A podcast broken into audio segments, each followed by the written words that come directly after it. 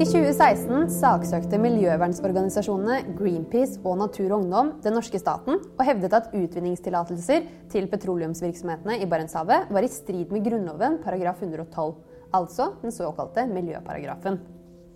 Tirsdag 22.12 kom dommen fra Høyesterett. Med 11 mot 4 stemmer ble klimasøksmålet forkastet av retten, og staten vant frem. Dette har vekket sterke reaksjoner blant flere i befolkningen.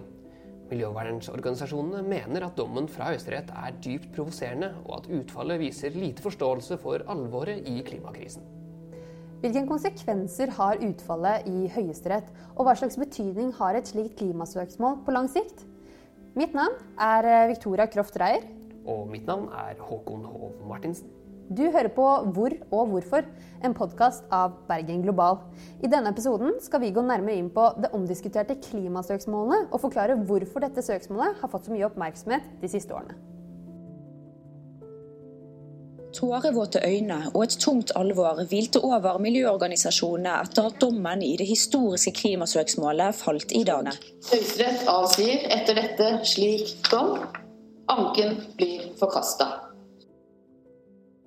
For å kunne diskutere klimasøksmålet er det viktig å være oppdatert på hva som var bakgrunnen for at Greenpeace og Natur og Ungdom valgte å saksøke den norske staten. Derfor må vi noen år tilbake i tid. Grunnen bak søksmålet var at både Greenpeace og Natur og Ungdom mente at vedtaket om å tillate petroleumsvirksomhet i Barentshavet ikke var gyldig fordi det strider mot Grunnloven. I første omgang mente de at vedtaket var i strid med første ledd av miljøparagrafen, som tilsier at Vedtaket ikke var forenlig om rettigheten til et miljø som sikrer helsen, og at naturressursene burde disponeres på en måte som skulle ivareta denne rettigheten også for fremtidige generasjoner. I tillegg til alt dette mente også miljøvernorganisasjonene at vedtaket var ugyldig pga. saksbehandlingsfeil.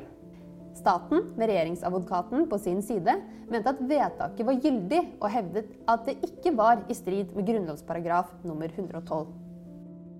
Tap tap og tap igjen.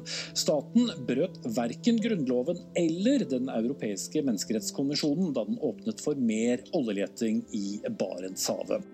Jeg syns det er en, eh, en, veldig tung beskjed å få i dag, og et ganske hardt slag.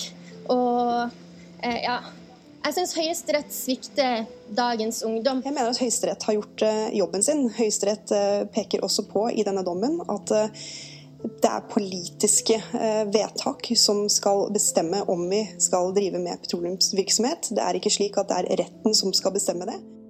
Den første dommen kom i Oslo tingrett høsten 2017. Retten erklærte at vedtaket ikke kunne bli ansett som gyldig, og at det ikke var i strid med Grunnloven. Dette førte til at miljøvernorganisasjonene tok saken videre til Borgarting lagmannsrett.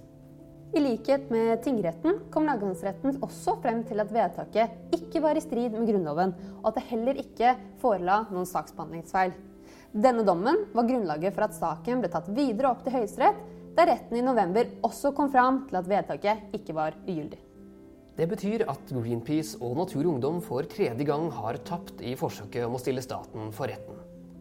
Saken har vekket sterke reaksjoner og fått mye oppmerksomhet i media de siste årene. Men kampen om miljøet er enda ikke over. Det er allerede varslet at miljøorganisasjonene vil prøve saken for Den europeiske menneskerettighetsdomstolen i Strasbourg. Men hva er egentlig sannsynligheten for at organisasjonene får dette gjennom?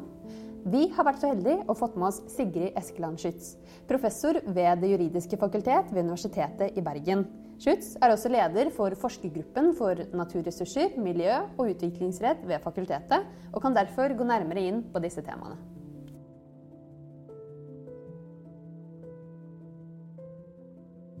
Hva vil du si veier tyngst i en slik domsavgjørelse som vi har sett, eh, som vi så nå i, før jul? Ja, nå er det jo flere spørsmål som er oppe. Det sentrale spørsmålet var jo eh, om Grunnlovens 112 i det hele tatt gir individuelle rettigheter som vi som enkeltpersoner kan påberope oss for eh, domstolen. Eller om dette på en måte var en Eh, fanebestemmelse som ikke vi kan påberope oss direkte, men som politikerne skal ta hensyn til i sin politikkutforming.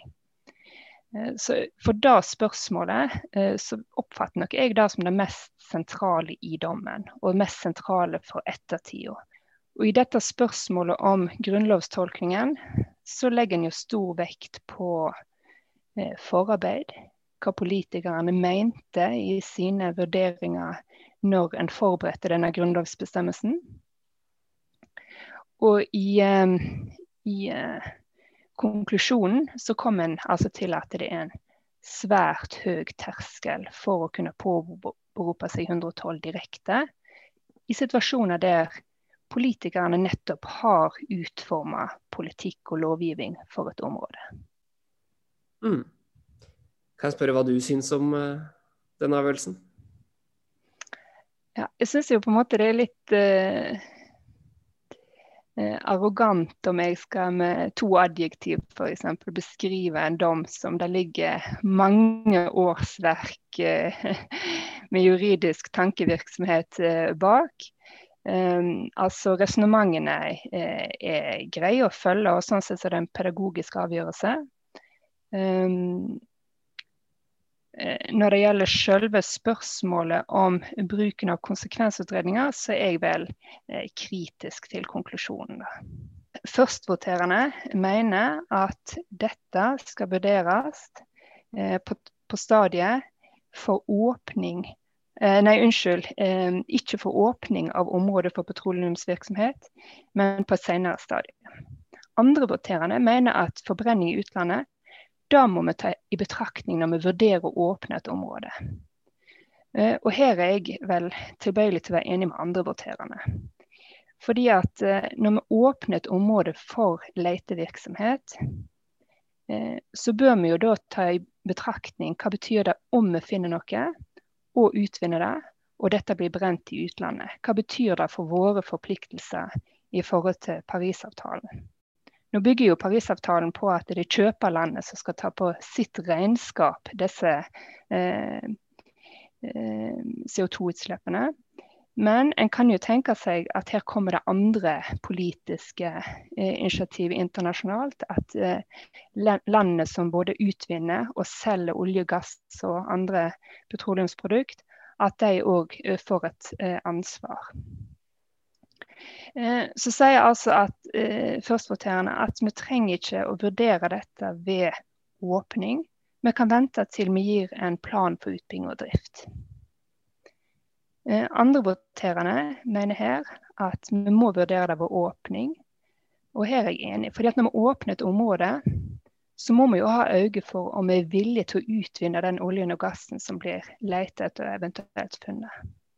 Og da må vi òg villige til å gjøre dette uavhengig av eh, hvilke utslipp det medfører ved forbrenning i utlandet.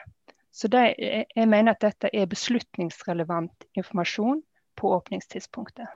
Hvor vanlig er det at denne miljøparagrafen tas i bruk? Vi har ikke fått testa den på denne måten før, som er spørsmål om en rettighet som kan påberopes. Men vi har sett den bli brukt i eh, en rekke saker som argument ved tolkning av norsk lov. Så typisk så vil du ha eh, norske lovbestemmelser som er åpne eller tvetydige. Og da har en brukt grunnlovsbestemmelsen eh, som argument i eh, den ene eller den andre retning. Eh, og på den måten så har han allerede hatt stor gjennomslag. Men samtidig har jo sagt i denne dommen da, at uh, domstolene bør være tilbakeholdne med å overprøve vedtak som er truffet gjennom prosesser, politiske prosesser. da. Betyr dette da at miljøparagrafen ikke nødvendigvis altså Vil det da bety at den kan bli vanskelig å bruke mot politiske vedtak? Ja, altså Hvis vi kommer inn på områder der det er utformet politikk og lov, eh, så kan det bli vanskelig. Eh, men så er spørsmålet at en skal være tilbakeholden, eller at det er en svært høy terskel. Hva ligger i det? Eh, fordi at vi har jo ikke noe målestokk å vurdere det mot. Det er jo ikke en skala her, 1 til 10, og at vi her treffer på 20. Eller, vi har jo ikke noen referansebakgrunn. Så hva som ligger i en sånn svært høy terskel, det er jo vanskelig å på en måte Det må fylles med innhold da, i etterfølgende rettspraksis. Og et viktig spørsmål når en skal fylle denne terskelen med innhold, blir jo når er noe lovregulert?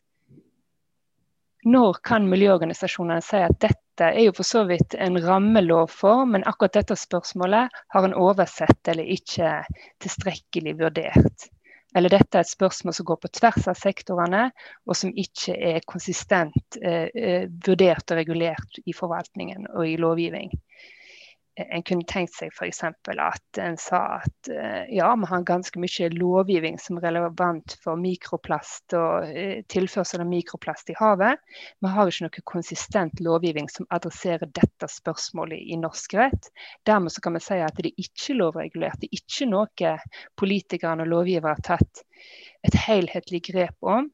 Og da er spørsmålet med utenfor den der eh, boblen av det som er lovregulert, og så dermed det er svært høy terskel for. Og hvis det ikke er lovregulert, ja, da er det da en ikke en svært høy terskel. Hvor er vi da? Mm. Eh, så, så er, jeg tenker at dette er ikke eh, Siste ord er ikke sagt. Dette må vurderes nærmere. Og en kan eh, få opp nettopp dette spørsmålet om norm innenfor og utenfor lovregulerte områder, f.eks. Hvis vi ser på domstolspraksis, så er det jo òg sånn at eh, domstolene prøver seg fram. Eh, så tar de ett steg, og så må de kanskje ta et steg tilbake, eller et litt lengre steg neste gang. Det blir litt sånn flo og fjære. Og dette er den første dommen vi har fått om dette spørsmålet. Om dette var flo eller fjære, det vil jo vise seg, men middel lav vannstand den eh, finner vi vel ikke før det har gått noen år, da. Nei. Er det siste, tror du det er siste, denne siste klimarelaterte rettssaken vi har fått? Jeg tror eh, det blir den siste klimarealiteten på en stund iallfall. Eh, det må nok skje noe internasjonalt, og det må skje litt mer bevegelse da før vi får opp et tilsvarende spørsmål. Supert. Sigrid Skyts, takk for at du var med oss. Bare hyggelig.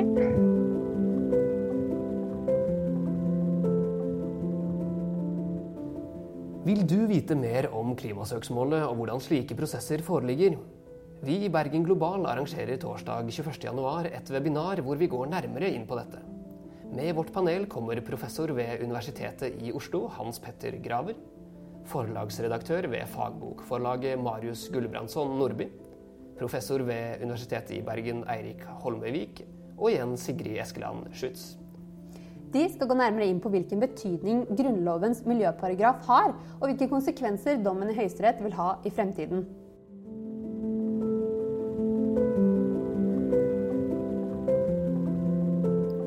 Dersom du hører denne podkasten i etterkant, kan du fint se vårt arrangement gjennom vår YouTube-kanal. I tillegg vil jeg oppfordre alle lyttere til å følge oss på både Facebook og Instagram under navnet Bergen Global. Her vil dere finne regelmessige oppdateringer om våre neste arrangementer som kommer de neste ukene. I denne podkasten har du hørt lyd fra NRK TV og NRK